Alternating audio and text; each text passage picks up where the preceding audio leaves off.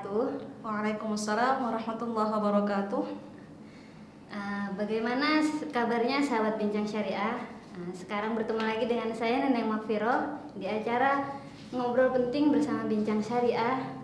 Kali ini kita kedatangan narasumber uh, kakak Maulidatul Hifdiyah. Kakak ini lulusan dari Al Azhar Kairo Mesir loh. Nah, kali ini kita akan membicarakan tentang cerita dari tanah Palestina. Oh ya, sebelumnya uh, selain di IG Bincang Syariah, kita juga live di fanpage Facebook dan juga setelah acara ini kalian juga bisa mendengarkan lewat podcast Bincang Syariah di Spotify. Jadi kalau misalnya kita membicarakan tentang Palestina, maka kita akan langsung yang langsung teringat itu adalah Masjidil Aqsa. Ya Kak ya? Ya.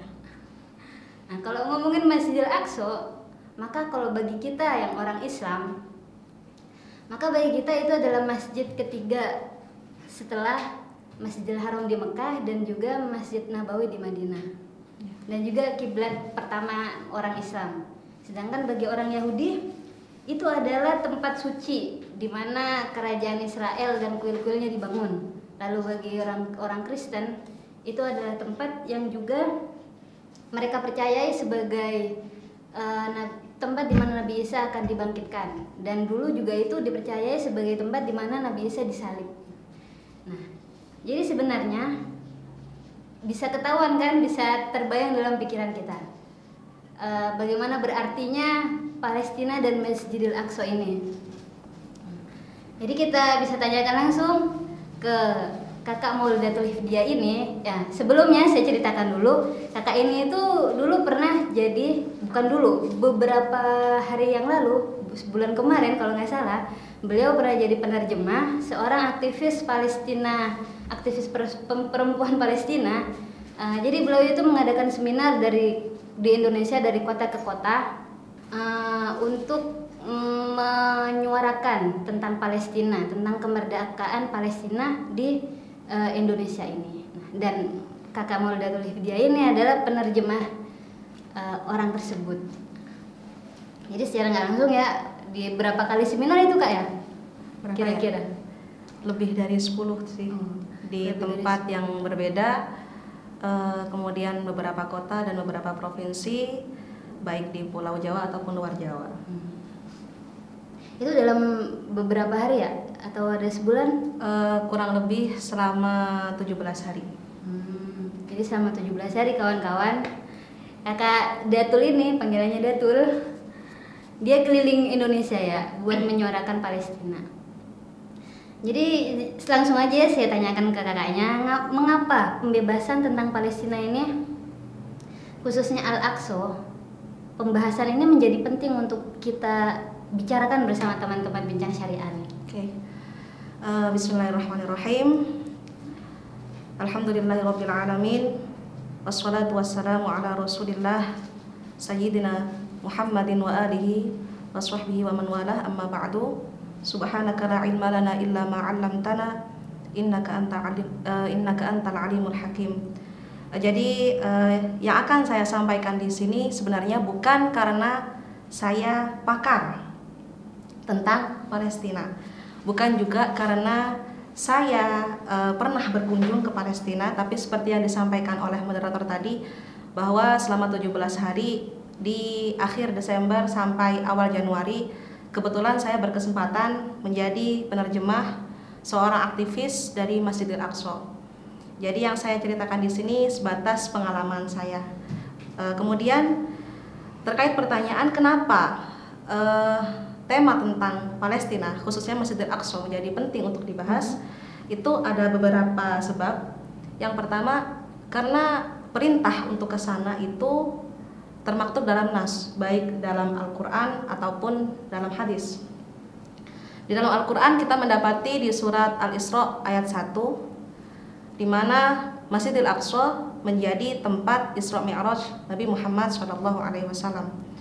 Kemudian uh, yang kedua di dalam hadis Rasulullah berkata bahwa la tushaddu ar-rihal illa ila thalathati masajid yaitu Masjidil Haram, kemudian Masjidil Nabawi dan yang terakhir Masjidil Aqsa. Itu artinya uh, kita semua eh, bahwa Masjidil Aqsa ini mempunyai posisi yang tidak kalah penting dari dua masjid sebelumnya. Kemudian artinya apa? Bahwa orang Islam dianjurkan untuk mempunyai cita-cita yang kuat untuk bisa berkunjung ke sana. Yang ketiga, bahwa apa yang terjadi di Al-Aqsa sekarang, di mana Al-Aqsa adalah kiblat pertama kita, itu adalah kepentingan kita semua. Jadi Qadiyatul Palestin itu adalah Qadiyatul Muslimin. Permasalahan Palestina, permasalahan Al-Aqsa adalah permasalahan orang-orang Islam. Jadi itu ya tiga poin penting kenapa pembahasan ini menjadi sangat penting untuk kita bicarakan pada malam ini. Oh ya sebelumnya tadi uh, Kak Datul belum pernah ke Palestina ya? Uh, belum. Oh belum. Oh ya jadi cuma penerjemah. Iya doakan Kak Datul. Ya, amin. Semoga kita pernah ke sana ya satu saat. Hmm. Nah, tapi ngomong-ngomong, jarak antara Al Azhar ke Palestina itu berapa jauh ya? Uh, kebetulan kalau jarak Palestina dengan Mesir, hmm. ya, yang berbatasan langsung dengan Palestina bukan, uh, maaf, perbatasan Mesir dengan Palestina itu bukan Al-Aqsa, tapi yang menjadi sumber konflik sekarang adalah Gaza. Jadi uh, di samping Sinai itu adalah uh, langsung Palestina gitu. Jadi kalau posisi yang berbatasan langsung dengan Mesir itu adalah Gaza bukan Al-Aqsa. Al-Aqsa berada di bagian lain. Uh, terus kalau kita ngomongin Masjidil Aqsa, ya. sebenarnya Masjidil Aqsa itu masjid ataukah itu suatu area mm -hmm. atau bagaimana sih? Oke, okay. uh, eh, jadi mungkin kalau yang terbayang di benak teman-teman mm -hmm. ketika kita membayangkan Masjidil Aqsa, kira-kira apa yang pertama kali terbayang? Karena namanya masjid, maka yang terbayang adalah oh itu masjid. Okay. Oh itu masjid gitu. Uh, jadi gini. Tapi kalau baca literatur itu sepertinya itu sebuah kota tua. Hmm, ya, bukan maksud saya seperti ini. Hmm? Jadi ketika kita membayangkan kata Masjidil Aqsa, maka yang pertama kali terpikir adalah kubah emas. Hmm. Benar nggak kira-kira? Ya. ya. Padahal jadi ini e, sekaligus saya luruskan Masjidil Aqsa adalah sebuah area di mana luasnya kurang lebih 14,4 hektar. Jadi yang kita lihat e, di foto banyak foto e, bahwa masjid itu berkubah kuning. Masjidil Aqsa bukan hanya itu, tapi juga yang berkubah e, apa? abu-abu atau mungkin istilahnya dome of rock kemudian seluruh area yang melingkupi dan nanti mereka itu dilingkari atau dikelilingi oleh sebuah benteng di mana itu oleh orang-orang Al-Aqsa dinamakan Baldah Qadimah atau kota kuno. Hmm. Jadi dia 14,4 hektar. Artinya apa? Yang selama ini kita bayangkan bahwa Masjidil Aqsa hanyalah kubah kuning itu salah. Jadi Masjidil Aqsa adalah semuanya. Artinya apa? Ketika kita sholat di mungkin di area di halaman bukan di dalam masjid kita juga sebenarnya sedang sholat di Masjidil Aqsa karena bukan hanya kubah kuning saja tapi seluruh area yang luasnya 14,4 hektar itu Oh begitu. Jadi itu adalah wilayah yang luasnya 14 hektar, saudara-saudara. Jadi bukan cuma sekedar kubah yang di atas masjid karena namanya masjid. Jadi kita membayangkannya gitu secara uh, fisik gitu ya. Jadi lalu kalau misalnya itu adalah sebuah area, hmm. terus yang masjid Masjidil Aqsa-nya itu yang mana? Oke. Okay. Kan di situ udah banyak ada banyak situs-situs ya. ya. Jadi memang e, ada beberapa situs penting di sana.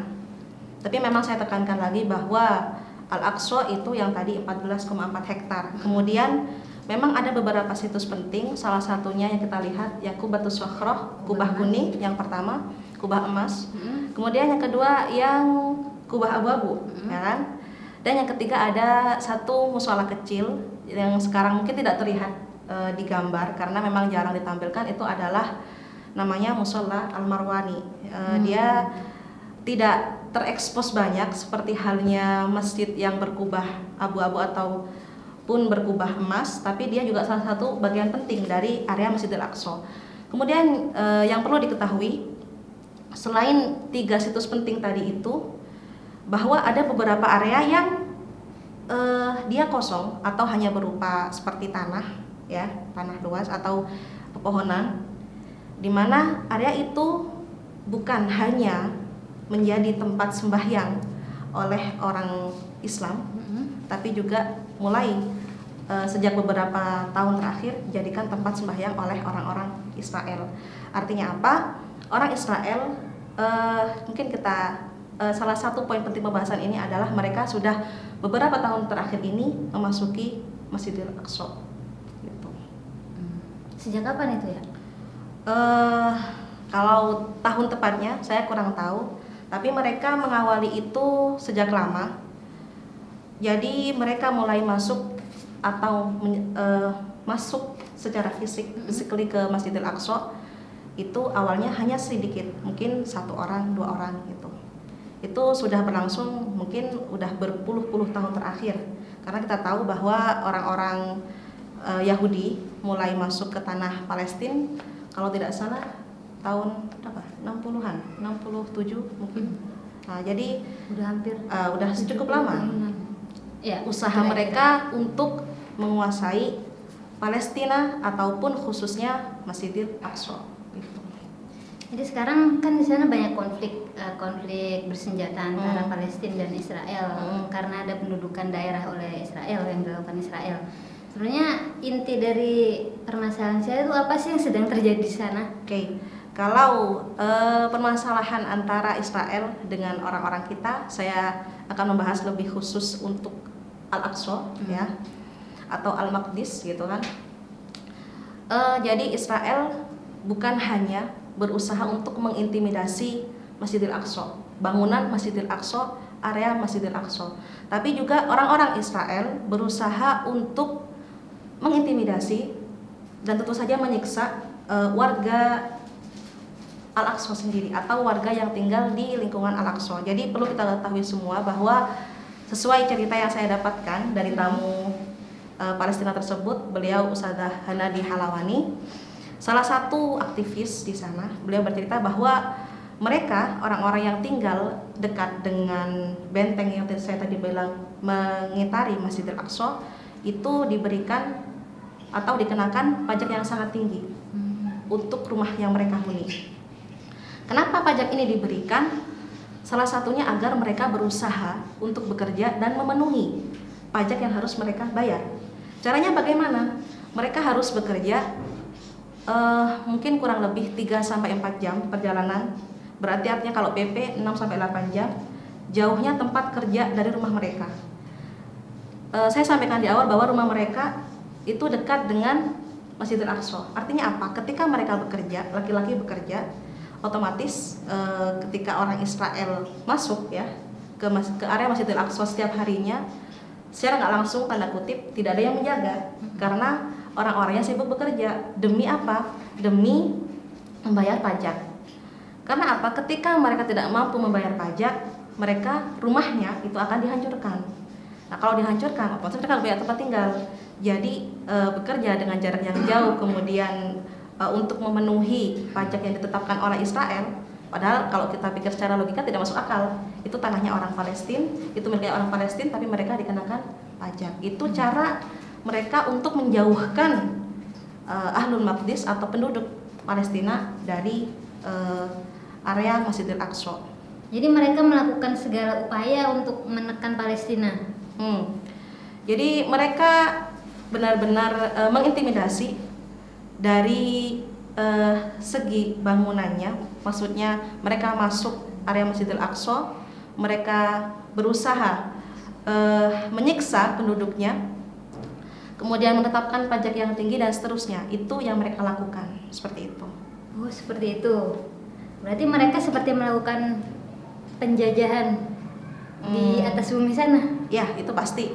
Kita tahu, kita semua tahu bahwa apa yang terjadi dengan Palestina adalah jajahan modern. Ya, sudah berpuluh tahun terakhir mereka menjajah dan itu berlangsung sampai hari ini.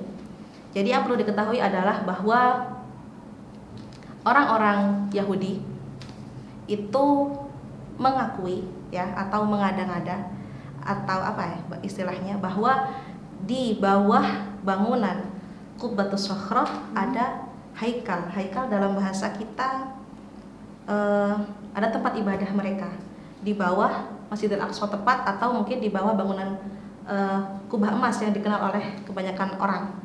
Nah, kemudian yang perlu kita ketahui juga bahwa mereka sudah mendatangkan para ahli dari khususnya dari Amerika, para sejarawan, para teolog yang menurut mereka bisa memperkuat alibi bahwa mereka memiliki hak di bawah bangunan uh, atau di dalam area Masjidil Aqsa. Tapi ternyata uh, sejarawan mereka sendiri, pakar orang-orang Israel sendiri dan juga orang-orang Islam membuktikan ya bahwa mungkin uh, kita tidak banyak tahu bahwa mereka melakukan bahkan sampai hari ini melakukan penggalian untuk mencari bukti kira-kira ada nggak sih peninggalan atau kira-kira ada nggak sih uh, rumah atau hak yang menjadi milik mereka. Ah ternyata pakar orang Israel sendiri ataupun juga orang Islam tentunya membuktikan bahwa tidak ada apa pun bahkan dalam bahasa e, tahun saya setitik debu yang menjadi hak orang Israel. Hmm. Tuh, jadi e, baik bangunan Masjidil Aqsa ataupun saudara-saudara kita yang berada di sana, khususnya yang dekat Masjidil Aqsa sekarang berada dalam bahaya seperti itu. Nah, kalau misalnya di sana ada orang Yahudi juga, hmm. ada orang Kristen juga, hmm. dan orang Islam, dan itu adalah ritus kuno mereka dan apa tuh punya sejarah masing-masing dalam agama mereka. Apakah mereka pernah, apakah mereka tidak bisa berdampingan dalam beragama di situ menurut keterangan sang aktivis Palestina tersebut? Uh, selama ini kita tahu bahwa tidak semua penduduk uh, Al-Aqsa itu Muslim ya itu yang perlu diketahui. Hmm. tapi memang mayoritas orang muslim. Nah jadi seandainya pertanyaannya adalah tidak bisakah al-aqsa dimiliki oleh seluruh uh, umat? Uh, baik itu Kristiani ataupun muslim ataupun Yahudi ya. Uh, permasalahannya bukan tidak bisa.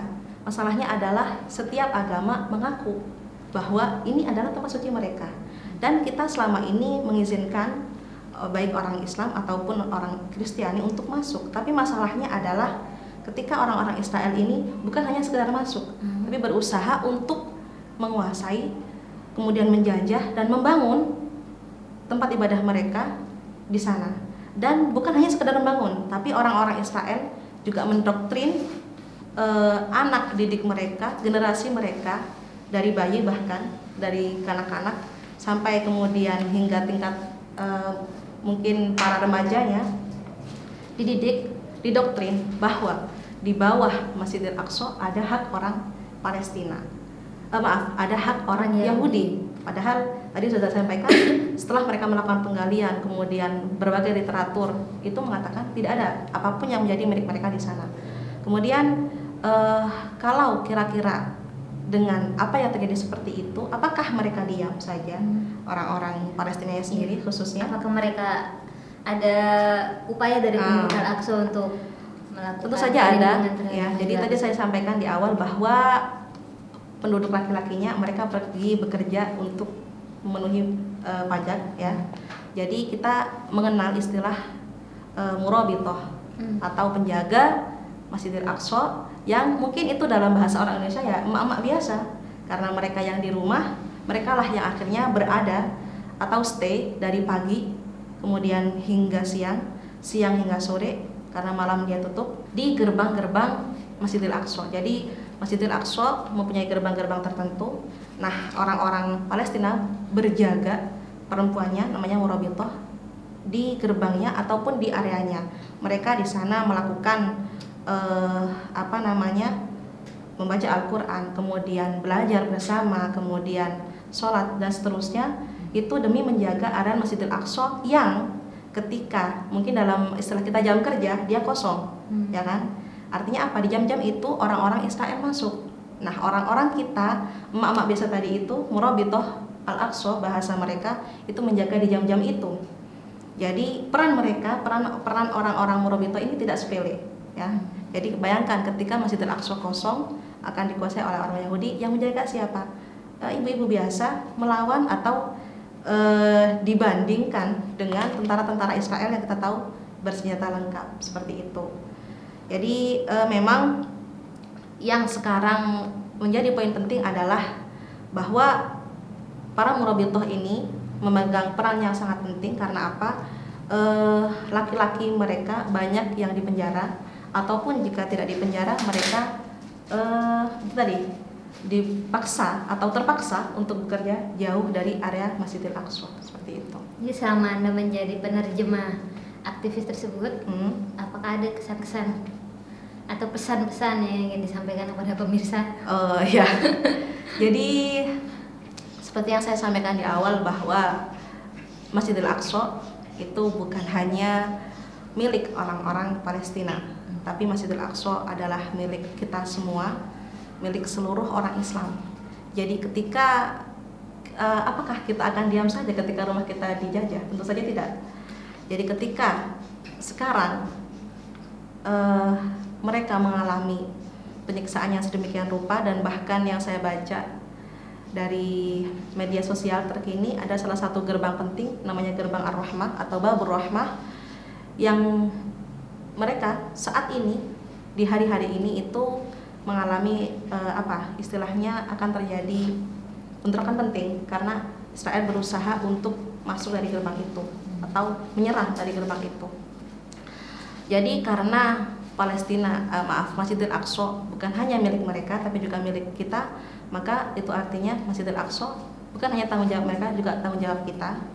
Dan sebisa mungkin kita dukung, kita support baik secara moral ataupun material minimalnya melalui doa-doa kita semua untuk umat Islam di Palestina khususnya Al-Aqsa.